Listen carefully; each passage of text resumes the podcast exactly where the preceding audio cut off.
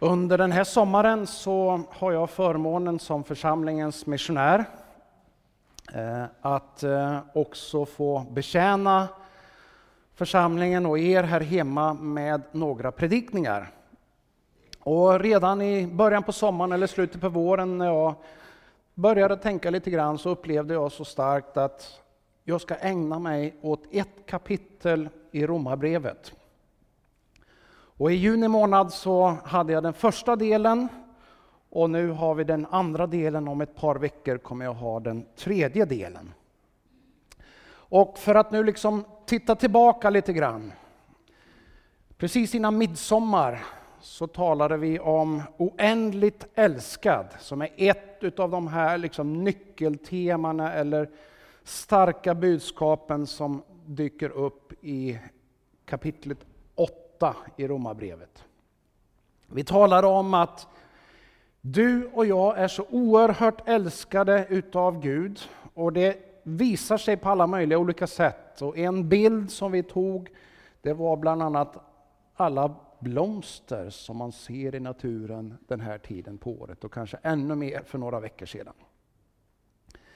I den gudstjänsten så var det så att Sam och Fotola de räckte fram en ros till ett antal nya medlemmar. Och varför gjorde de det?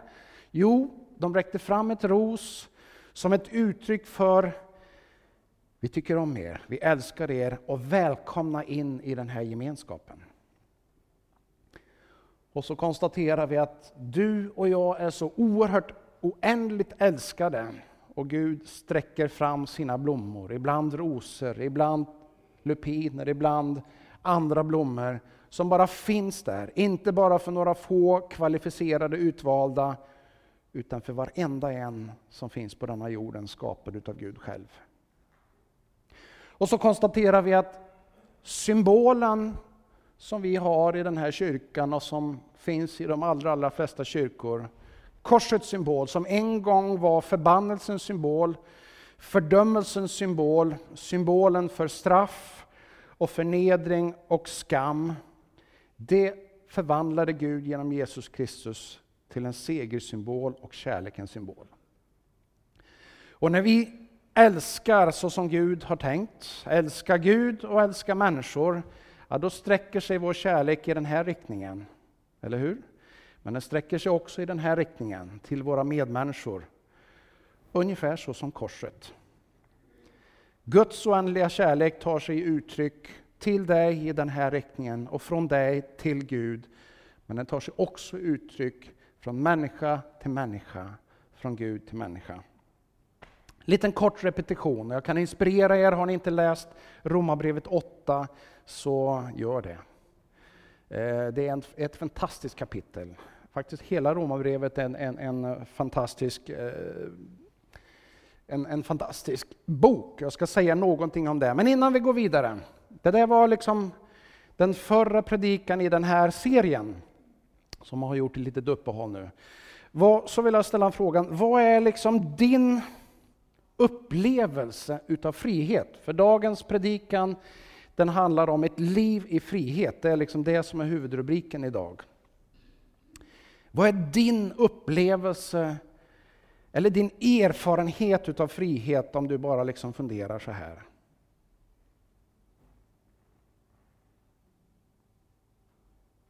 Jag kan tänka mig att det är lite olika för oss.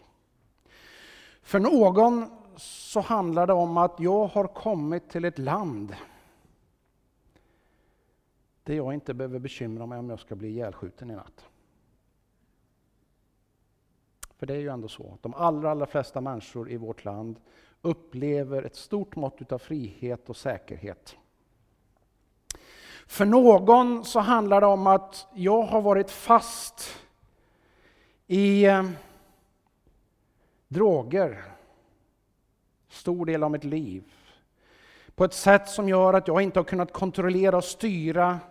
Jag har inte kunnat gå, jag har inte kunnat kanske ens gå förbi en parkbänk utan att känna suget. Och för någon så handlar det om att ha första dagen på semestern.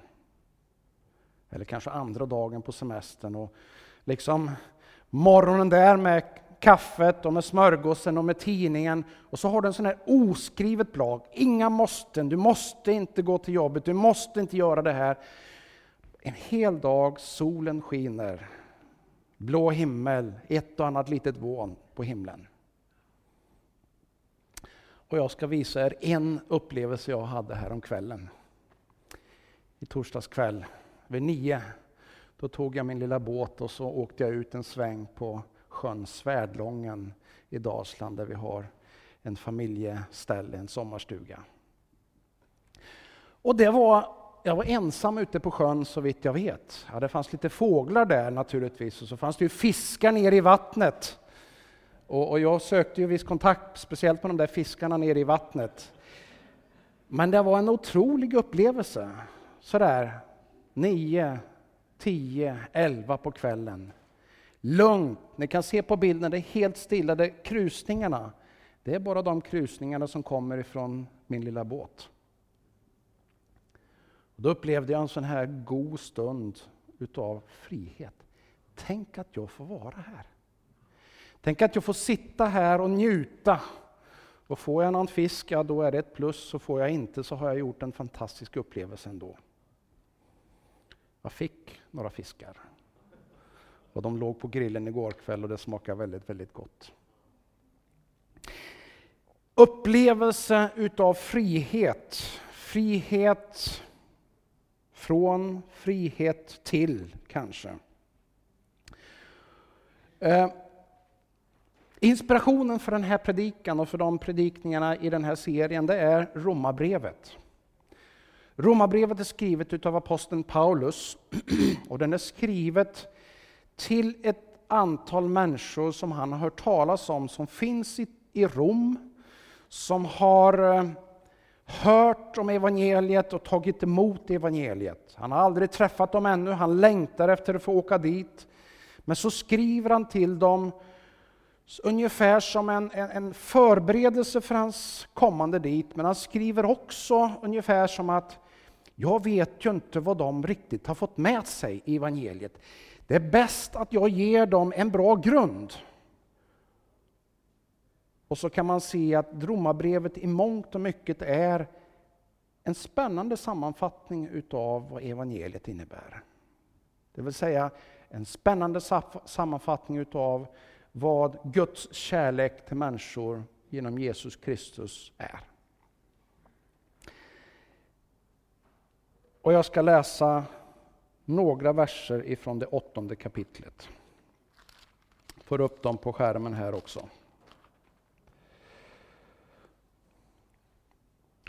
Så finns nu ingen fördömelse för dem som är i Kristus, Jesus. Livets andes lag har i Kristus Jesus gjort mig fri från syndens och dödens lag. Det som var omöjligt för lagen, svag som den var genom den kötsliga naturen, det gjorde Gud genom att sända sin egen son som syndoffer till det yttre lik en syndig människa. I hans kropp fördömde Gud synden så att lagens rättfärdiga krav så skulle lagens rättfärdiga krav uppfyllas i oss som inte lever efter köttet utan efter anden. En ehm, kraftfull inledning utav det här åttonde kapitlet. Och jag vill stanna inför några saker här. Livets andes lag har gjort mig fri, står det. Ingen fördömelse finns nu mer. Och Gud har betalt priset. Det högsta möjliga priset. Om man ska fundera över frihet så är det inte helt orimligt att börja fundera, men vad är motsatsen till frihet? Ibland kan det vara så här att, att för att riktigt förstå vad ljus är, ja, men då måste man uppleva det totala mörkret. För att riktigt förstå vad mättnadskänsla är så kan man behöva vara riktigt, riktigt hungrig. Har ni varit med om det någon gång? Och med samma analogi eller samma tanke. låt oss börja lite grann i det här med ofrihet. Så vill säga motsatsen till frihet. Bibeln talar ofta om slaveri som motsatsen till ofrihet. Och det kan vara slaveri som, eh, som vi i, i vår moderna tid säger att vi har avskaffat för drygt hundra år sedan. I verkligheten så har vi gjort det formellt på ett sätt, men tyvärr så fortsätter slaveri på alla möjliga olika andra sätt. Fortsatt. Men vad är det då egentligen? Vad innebär då ofrihet eller slaveri? Ja, när jag inte är fri, när jag är ofri, då kontrolleras jag av något eller någon. Och när jag beskriver de här så kan ju du reflektera över dig och ditt liv. Ja, vad är det du möjligen känner igen dig i eller vad känner du inte igen dig i? Du är naturligtvis inte någon slav, nej. Du lever i ett fritt land, men det betyder inte att du är helt fri. Det kan vara så här att det finns saker som binder dig i ofrihet. Är jag ofri, då kontrolleras jag av någon eller något. Jag har ingen reell möjlighet att välja, eller väldigt begränsad möjlighet att välja. Jag ägs av någon eller något. Det vill säga det är någonting eller någon som har äganderätten över mig. Över min tid, över mitt liv, över allt det jag har, över min situation, över mina tillgångar. Jag styrs av någon, något, mer eller mindre mot min vilja.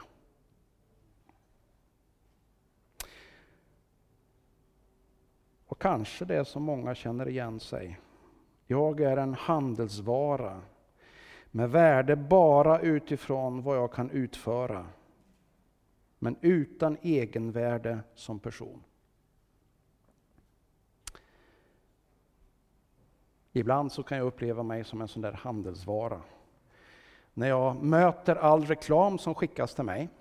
Jag vet inte, får du någon reklam någon gång? Ja, några som skrattar och känner igen sig här. Alltså, när jag möter reklam och det är alla möjliga företag som skriver till mig, de känner inte mig, har aldrig hört talas om mig mer än som ett namn i ett register någonstans. Och ändå så kommunicerar de till mig som om vi vore bästa vänner. Och så försöker de att liksom förklara och presentera för mig vad oerhört viktiga de här produkterna de har som de vill att jag ska köpa. Och när jag reflekterar över vad är det här egentligen för någonting? Jo, det finns bara ett enda skäl egentligen att de kommunicerar med mig. Och det är för att de vill ha mina pengar. Jag har inget värde för de allra, allra flesta av de som kommunicerar på det sättet. Mer än att jag är en handelsvara. Jag har ett värde utifrån att jag kan köpa någonting för mina pengar. Men om jag inte har några pengar, då är jag helt värdelös för dem.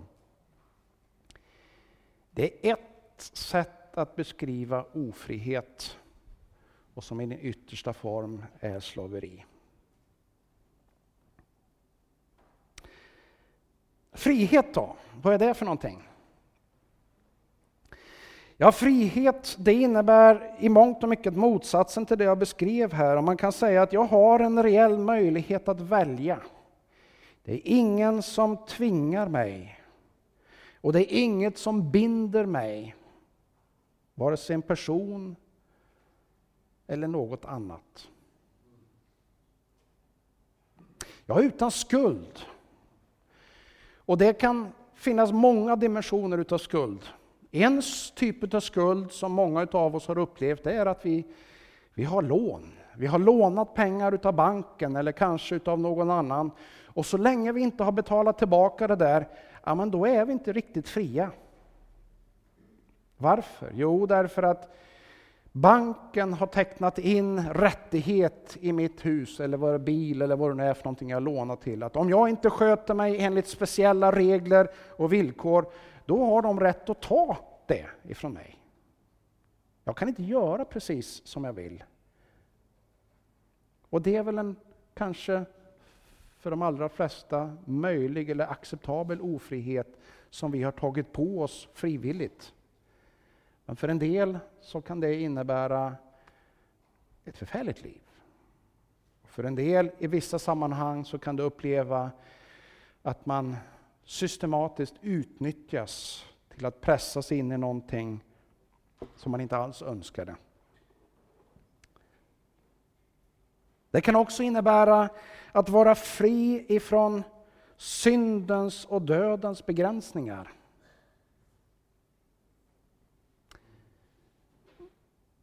Jag har min gamla pappa som lever, han är 90 år. Han är väldigt begränsad i sin kropp. Och ibland när vi pratar då, då märker jag att han längtar efter frihet ifrån den här skröpliga kroppen. Han längtar efter frihet av att få röra sig, att få kunna sjunga med klar stämma igen. Att få kunna gå ut och höra fåglarna. Och det är klart att han får hjälp till det nu. Men det finns en ofrihet, en bundenhet utav att vara begränsad. Att inte kunna röra sig, att inte kunna ta sig ur sängen utan att någon annan hjälper. Han är glad och tacksam för all hjälp han får. Men det finns ett mått av ofrihet och jag märker att längtan finns där. Det finns något bättre någonstans. Jag väntar dit. Friheten. Frihet, det innebär både frihet från någonting, från skuld eller från fördömelse eller från elände av något slag, bundenhet av något slag. Men det innebär också frihet till. Det kan ju vara så här att man på ett sätt är fri från massa saker, men att man inte är fri till saker. Riktig frihet innebär båda sakerna. Frihet ifrån det som binder, men också frihet till det som jag vill välja av eget hjärta. Frihet att dra vidare.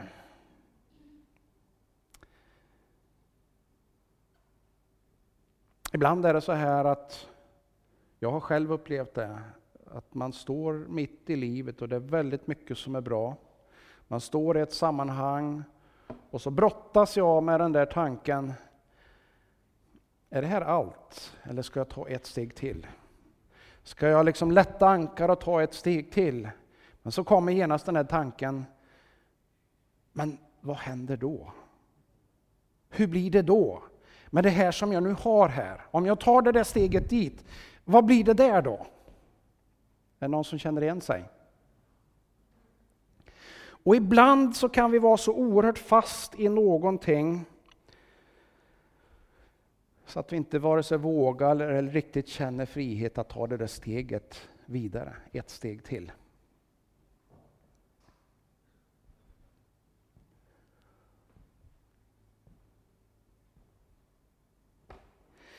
Frihet kan vara att välja bort en del av sin frihet i utbyte mot något viktigare.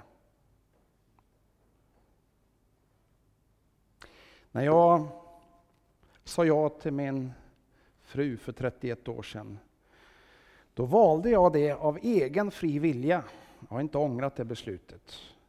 Men när jag valde henne, då valde jag bort väldigt, väldigt många andra människor. Är ni med mig? Inte så att jag inte kan ha kontakt och ha nära relation med andra människor, absolut. Det har jag, tycker det är roligt att ha. Men det finns vissa delar i livet som jag valde, nu väljer jag henne och därmed väljer jag bort en väldigt många andra människor i vissa avseenden. Men jag valde det själv, av fri vilja. Att välja kan ibland innebära, att jag väljer bort någonting som jag förstår inte kommer vara bra för mig när jag väljer det som jag vet kommer att vara bra, det som jag tror kommer att vara bra. Nu finns det ingen fördömelse, står det i den här, stod det i den här bibeltexten som vi läste. Ingen fördömelse. Eh, Och hela den här texten egentligen handlar om ett liv i frihet genom den heliga Ande, genom Guds Ande. Och vad betyder då det här första ordet som vi läste, fördömelse? Och kanske är det ett sånt där ord som vi använder, som vi har hört, men som vi liksom inte riktigt kan sätta fingret på. Vad betyder det här för någonting? Så när jag har förberett mig så har jag liksom grävt lite grann i eh, några av de här nycklarna. Vad innebär fördömelse?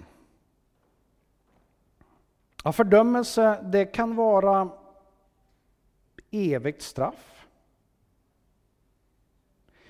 Det kan vara osalighet eller eh,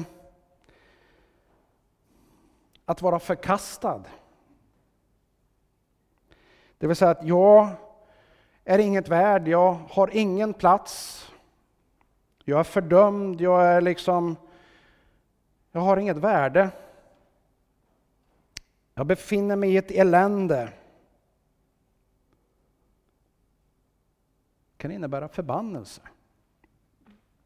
Ibland har jag funderat på det där ordet förbannelse. I Sverige så används det ibland. Jag blev så förbannad. Och jag kan inte förstå det uttryckssättet när man egentligen menar att jag blev arg. Därför att förbannelse, det är någonting annat. Det är när någon önskar helvetet över dig. Eller helvetets kraft. Det är att vara förbannad. Jag blir aldrig förbannad, men jag kan bli arg. Men jag ber att den här ilskan inte ska vara kvar länge. Jag ber att jag åtminstone ska få vara glad och, och fri från ilskan innan jag somnar. Men jag blir inte förbannad, varför det? Jo, därför att bibeltexten står det finns ingen fördömelse för de som är i Kristus. Och Det betyder att för dig också så må det vara så här att andra kan kasta förbannelser eller fördömelse eller önska dig elände. Andra kan förkasta dig. Men om du är i Kristus, då är det där ungefär som vatten på en gås. Har ni prövat att hälla vatten på en gås? Det liksom bara rinner av. Eller möjligen vatten på en nyvaxad bil. Det liksom blir pärlor som inte fastnar, det bara försvinner. Varför? Genom din kraft? Nej. Men därför att Gud har gjort det. Gud har betalat priset. Genom Jesus Kristus. Det finns ingen fördömelse därför att Gud har sänt sin son Jesus Kristus att dö, att uppstå från korset. Och därmed så har han brutit möjligheten för dig att vara fast. Ja, människor kan försöka. Men om du är i Kristus, då är du inte fördömd. Tvärtom, då är du gjord fri. Livets andes lag. Guds andes lag. Guds ande har gjort dig fri. Visst är det gott? Visst är det härligt? Hörrni, det är goda nyheter idag. Det är inga dåliga nyheter, det är goda nyheter för er som har kommit hit och som har sagt nej till att vara ute i solen och det fina vädret för att vara här inne. Och det här är egentligen öppna för ännu bättre väder skulle jag vilja påstå. Både ute och inne i hjärtat. Lyssna på det igen. Det finns ingen fördömelse, det finns ingen förbannelse. Det finns ingenting av det som synden egentligen för med sig för dig om du är i Kristus. Det vill säga, det är bortlyft. Och då kan det vara så här att människor eller den onde genom tankar kan komma och försöka anklaga dig på punkt efter punkt efter punkt efter punkt. Ja, det händer. Och om du jämför med de där anklagelserna och så konstaterar du, nej men har jag felat eller har jag varit perfekt? Så blir det väldigt, väldigt ofta så här att, nej men jag är inte perfekt. Jag har misslyckats här och jag har misslyckats där och jag har misslyckats där. Men om jag är i Kristus så är det likväl så att det finns ingen fördömelse. Visst är det fantastiskt? Det vill säga att Gud har gjort det som var omöjligt, inte utav din kraft. Inte för att du är förträfflig, inte för att du hör till någon elit som har kommit in i den här kyrkan idag. Nej, inte alls. Utan Gud har lyft av det här därför att han älskar dig. Om du har tagit emot hans kärlek.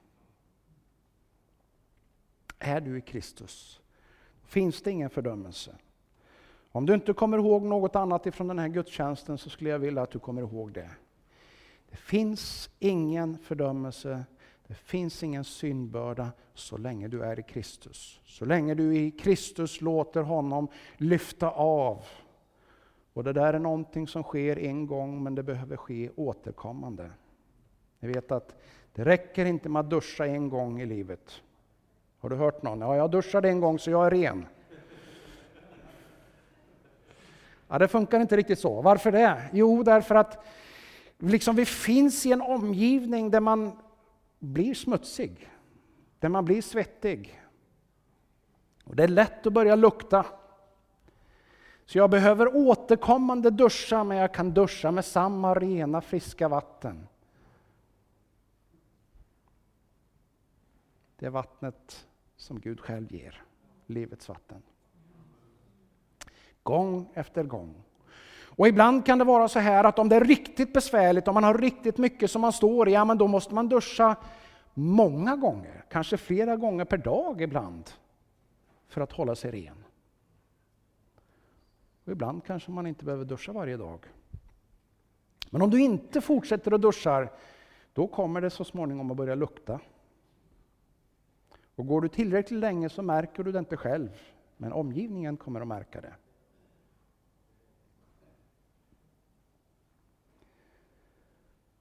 Vänd tillbaka till Jesus. Säg Jesus, rena mig. Förlåt mig. Precis det som står i bönen som Jesus undervisar oss om. Förlåt mig mina skulder, precis som jag förlåter de andra som är i skuld till mig. Det har skett, men det är ett pågående arbete, en process som återkommande. Men priset, det är betalt en gång för alla. Det är betalt en gång för alla. Det finns ingen fördömelse. Du är inte förbannad. Du kan tvätta av dig det där gång efter gång efter gång. Inte i din egen kraft, men i Guds kraft. Guds kraft. Låt mig ta något litet exempel. Ni vet att vi som församling är med och har en vändförsamling i Bangkok, Life Church. Vi har våra missionärer Daniel och Paulina Brolin som finns där. De har varit där bortemot tio år. De har startat en församling som är någonstans 250 personer. Man samlas gudstjänst på flera platser. Vad är det stora arbetet i den församlingen? Vad är den stora kraften i evangeliet där? Ja, jag skulle vilja påstå att det är inte främst gudstjänsterna som de har på två platser varje söndag. Det är fantastiskt. Bilden där nere kommer från en av de gudstjänsterna där man lovsjunger Gud på thai. Där man ärar honom, unga människor som, som kommer ifrån alla möjliga bakgrunder. Det är fantastiskt. Men den stora berättelsen framträder när man möter de här människorna och får lyssna. Var kommer du ifrån? Och då får man möta människor som kommer ifrån prostitution. Som har levt där i ofrihet, tvungna att sälja sin kropp för att dra in pengar till sig själv men också till någon herre som äger personen som genom olika sätt har låst personen med lån kanske, skulder till familjen. Pratar man med människorna där så får man möta den unga tjejen vars mamma har levt i prostitution länge, har en officiell verksamhet med den unga tjejen som har kommit och fått uppleva Jesus. Och du ser bara hur ansiktet strålar när hon lovsjunger Gud. Då får du möta människorna som har hamnat i fängelse och som har blivit besökta vecka efter vecka efter vecka och som har blivit befriade och fått komma hem till sina länder efter att ha suttit fängslade av ett eller annat skäl. Det handlar om praktiskt att erbjuda människor frihet. Det vill säga att erbjuda det som vi precis läste. Det finns ingen fördömelse.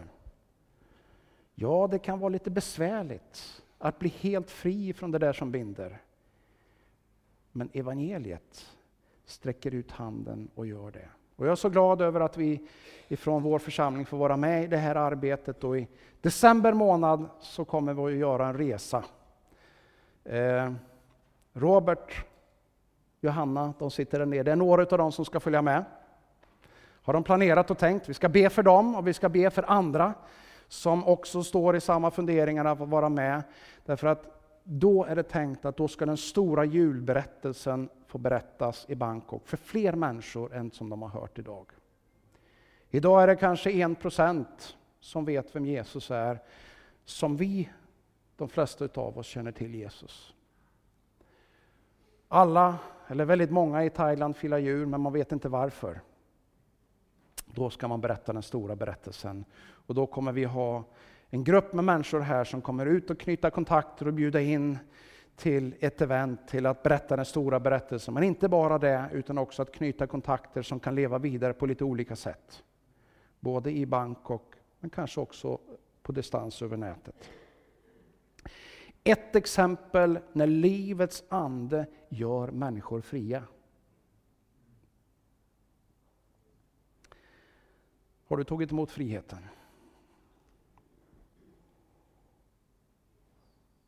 Om du gjorde det, har du gett friheten utrymme i ditt liv?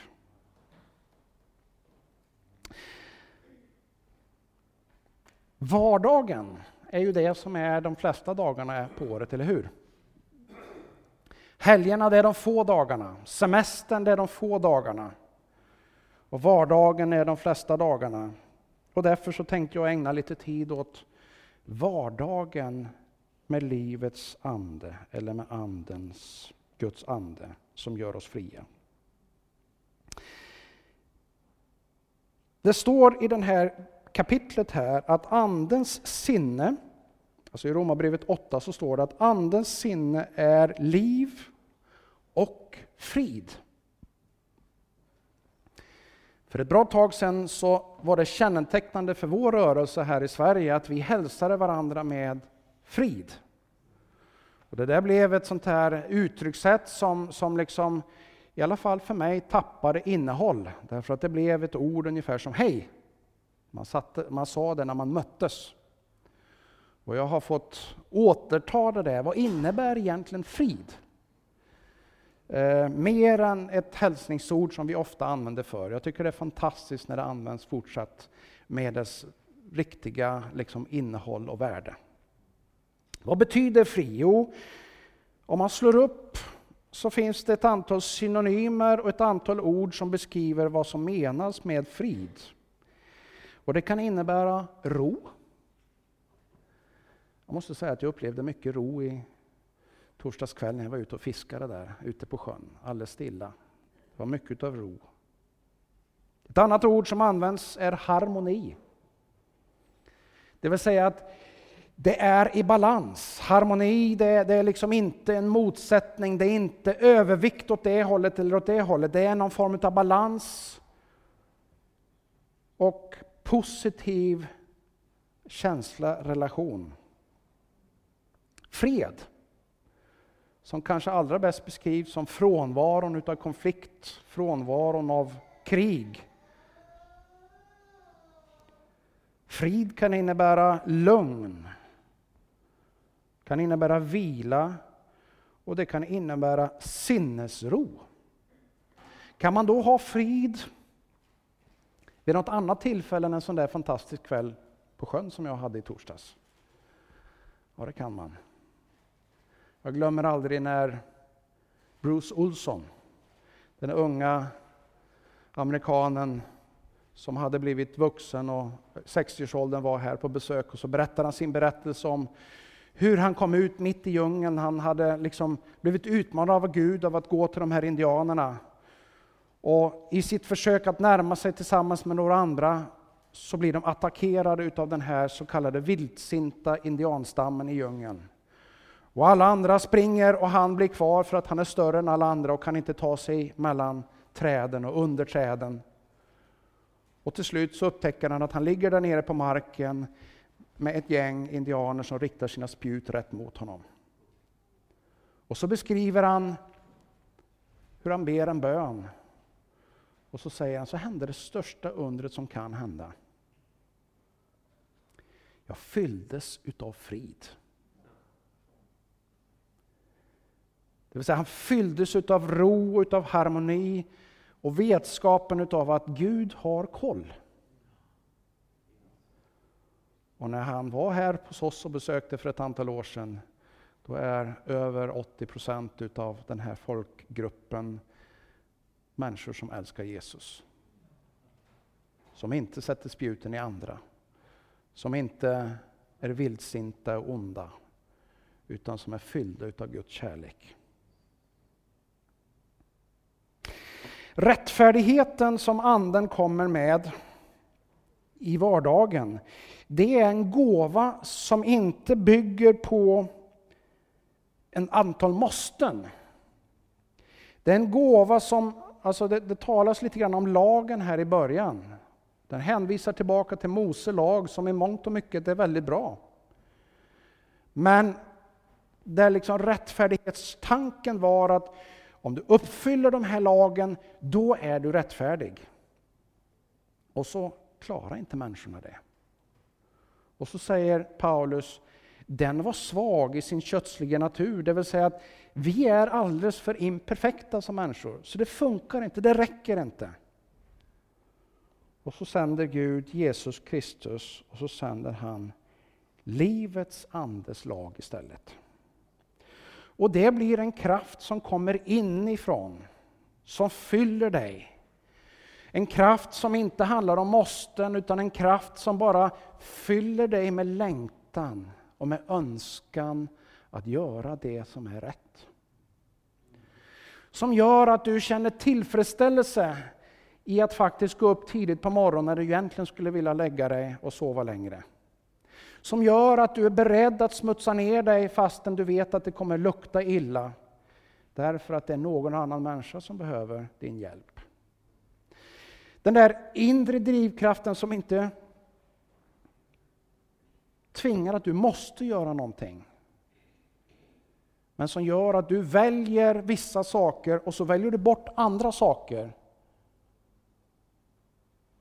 Därför att det finns saker som är viktigare än andra. Det finns saker som tar dig på rätt väg och det finns andra saker som leder dig i fel riktning. Det står i eh, det här kapitlet, och du kan läsa det, att Anden hjälper oss att be. Anden hjälper oss att be. Jag vet inte vad du har för förhållande till bön. Jag vet att det finns en del här som är riktiga bönemänniskor och som känner stor glädje i att lägga mycket tid på bön. För mig är det både och. Ibland så rusar tiden iväg när jag är i bön. Och ibland kan det kännas som att det liksom står stilla. Vad händer nu? Men bön är något mer än bara att uttrycka Gud, kan du hjälpa mig med det här? Bön är att, att ha en, liksom en sån här stund utav gemenskap med Gud själv. Det är ett sånt här samtal som går ut på att ja, du pratar, men du lyssnar också. Och kanske är det där växelvis ungefär som det görs är när vi möts över en kopp kaffe eller så. Det är sällan som det bara är en som pratar. Det kan bli ganska tjatigt om det bara är en som pratar. Jag vet inte om du har varit med om det. Eh, men ett gott samtal, då, liksom, ja, men då finns det någon form av ömsesidighet, eller hur? Det finns tid för att lyssna och det finns tid för att tala. Och någonstans i den där processen så betyder det att man börjar förstå varandra mer.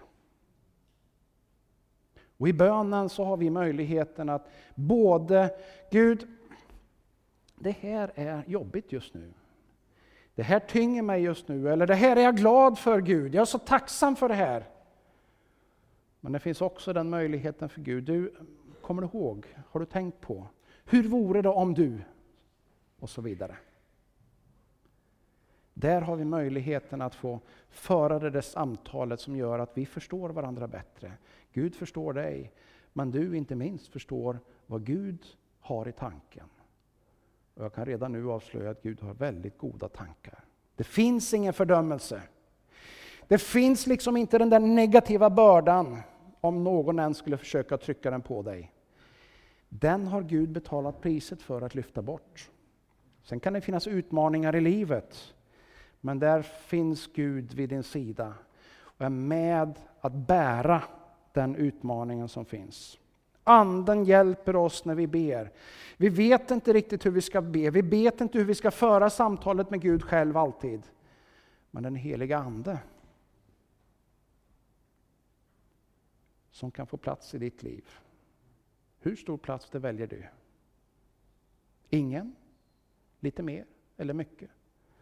Anden har möjlighet att hjälpa dig i relationen, kommunikationen med Gud själv. Anden i det vardagliga livet det är liksom en sån där försmak på det himmelska, det är ett försmak på det som vi anar finns. Men vi är inte där ännu riktigt. Vi anar att det finns något mer och ibland så får vi lite smakprov på under, bönesvar, tecken, kunskap som man inte kunde veta, men anden avslöjar det för ens egen hjälp eller för någon annans hjälp. Ska vi läsa en bibeltext ifrån Romarbrevet 8 och vers 14. Det här innebär anden i vardagslivet. Alla som drivs av Guds ande är Guds barn. Ni har inte fått slaveriets ande så att ni på nytt måste leva i fruktan. Nej, ni har fått barnaskapets ande och i honom ropar vi Abba, eller pappa, far. Anden själv vittnar med vår ande att vi är Guds barn. Och är vi barn så är vi också arvingar, Guds arvingar och Kristi medarvingar. Lika visst som vi lider med honom för att också förhärligas med honom. Anden försäkrar oss att genom miraklet på korset så har du gjort, getts möjligheten att bli Guds barn. Det är Guds ande som påminner dig om att du är Guds barn. Du är inte barn till någon annan kraft. Ja, du är barn till dina föräldrar som Gud har gjort det möjligt för att avla dig. Men i verkligheten, ytterst, så är du barn till Gud själv. Och om du är barn till Gud själv, då betyder det ett antal saker. Just nu så har vi i vårt hem eh, huset fullt av familjemedlemmar och veckan som har gått så har vi haft alla våra barn hemma och, och flera utav mågarna och barnbarn. Och hur är det när de kommer? Ber de om ursäkt? Är de rädda när de knackar på för att komma in hemma hos oss? Nej, det gör de inte. Nu är vi här! Hallå, vi är här! Och så är det kramar och så är det liksom, ja, barnbarnen kommer och hoppar upp i morfars famn. Det vill säga att vara barn i huset, att vara barn i familjen betyder någonting. Det betyder att jag hör hemma här, jag känner mig hemma, jag är inte rädd. Visst har det hänt att vi har tyckt olika om saker, visst har det hänt att vi har tyckt att barnen har gjort fel. Men det där är inte liksom det som överskylar när de kommer och knackar på dörren. Nu är vi här! Ja, men då är det wow, vi är så glada att ses. Och vi är så glada att få vara tillsammans. Att vara Guds barn betyder att du känner dig hemma i Guds hus. Och du har en nära relation till både Gud själv, men du har också en relation till dina syskon i samma tro. Och det där, det där börjar någonstans. När du tar steget in att följa Jesus så börjar det där. Och så får det möjlighet att fördjupas och fördjupas. Ju mer tid ni är tillsammans, desto mer kan det blir liksom sådär riktigt. Oändligt älskad utav far själv. Du är ett Guds barn. Och nu ska jag dra ihop påsen. Vad är det egentligen vi har sagt idag? Jag kan gå vidare till nästa bild. Jo, vi har sagt att Gud har betalt priset för din frihet. Han har betalt det med Jesus Kristus. Det vill säga att den ofrihet som du upplever, eller någon i din omgivning upplever, den behöver inte vara den slutgiltiga bundenheten. Det finns möjlighet att få uppleva friheten. Varför? Jo, därför att Gud själv har betalt det genom Jesus Kristus. Det betyder att dina bördor kan lyftas av, eller någon annan kan ta dina bördor som du inte orkar bära, för att hjälpa dig med dem. Men Andens, livets Andes lag som gör dig fri, tvingar sig aldrig på någon. Och Det betyder att det är fortfarande du som har valet. Vill du ge utrymme för den här anden i ditt liv? Vill du ge utrymme för Guds kraft i ditt liv? Vill du ge utrymme för Guds levande vatten att tvätta dig ren gång efter annan? Eller vill du inte? Och Gud är visserligen allsmäktig, men han har avsagt sig rätten att tvinga dig. Han har avsagt sig rätten, frivilligt så har han avsatt sig rätten därför att du ska få möjlighet att välja. Varför det? Jo, därför att kärlek kan aldrig uttryckas av tvång. Kärlek kan bara uttryckas, jag vill, jag önskar. Och jag vet inte riktigt var du befinner dig i livet just nu. Jag vet inte vad det är som har talat till dig under den här stunden vi har pratat, eller som jag har försökt att förmedla någonting. Det kan vara små saker, det kan vara stora saker. Men mitt budskap till dig är att det som binder dig, det vill Gud hjälpa dig att göra dig fri ifrån. Ska vi be tillsammans? Gud i himlen, tack för det fantastiska erbjudande som du har. Herre, fortsätt att tala till oss utifrån ditt ord och det vi har delat den här förmiddagen, Herre. Jag vill be för var och en, Herre,